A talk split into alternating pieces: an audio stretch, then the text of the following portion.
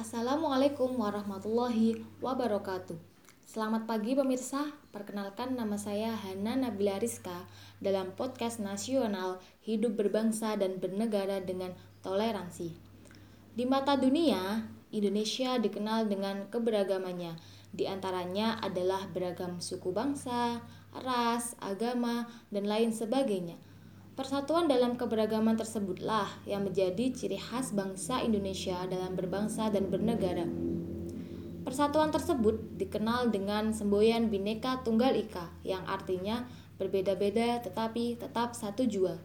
Bhinneka Tunggal Ika adalah dasar untuk mewujudkan persatuan berbangsa dan bernegara yang harus kita terapkan dalam kehidupan sehari-hari seperti toleransi antar masyarakat yang satu dengan yang lain tanpa memandang suku, ras, agama, dan keberagaman lainnya.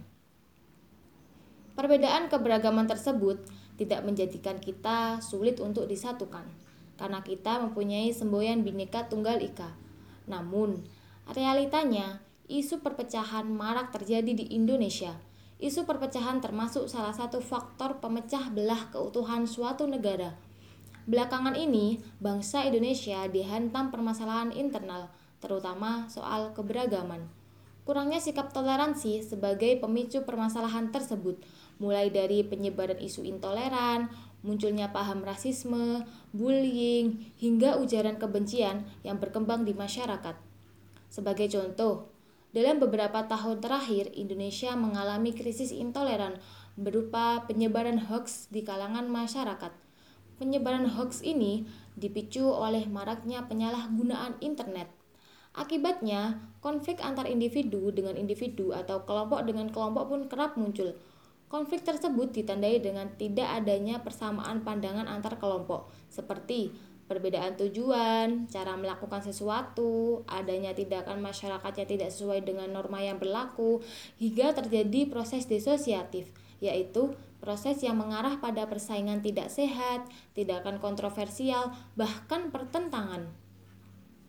Ada beberapa cara yang dapat mencegah terjadinya konflik tersebut, di antaranya dengan menghargai perbedaan dan menumbuhkan sikap toleransi. Menghargai perbedaan dilakukan sesuai norma dan hukum yang berlaku di masyarakat. Sikap toleransi perlu ditanamkan kepada masyarakat yang beragam, karena Keberagaman adalah hal yang pasti ada dalam masyarakat. Menerima perbedaan suku, ras, agama dapat dimulai dengan lingkungan sekitar terlebih dahulu.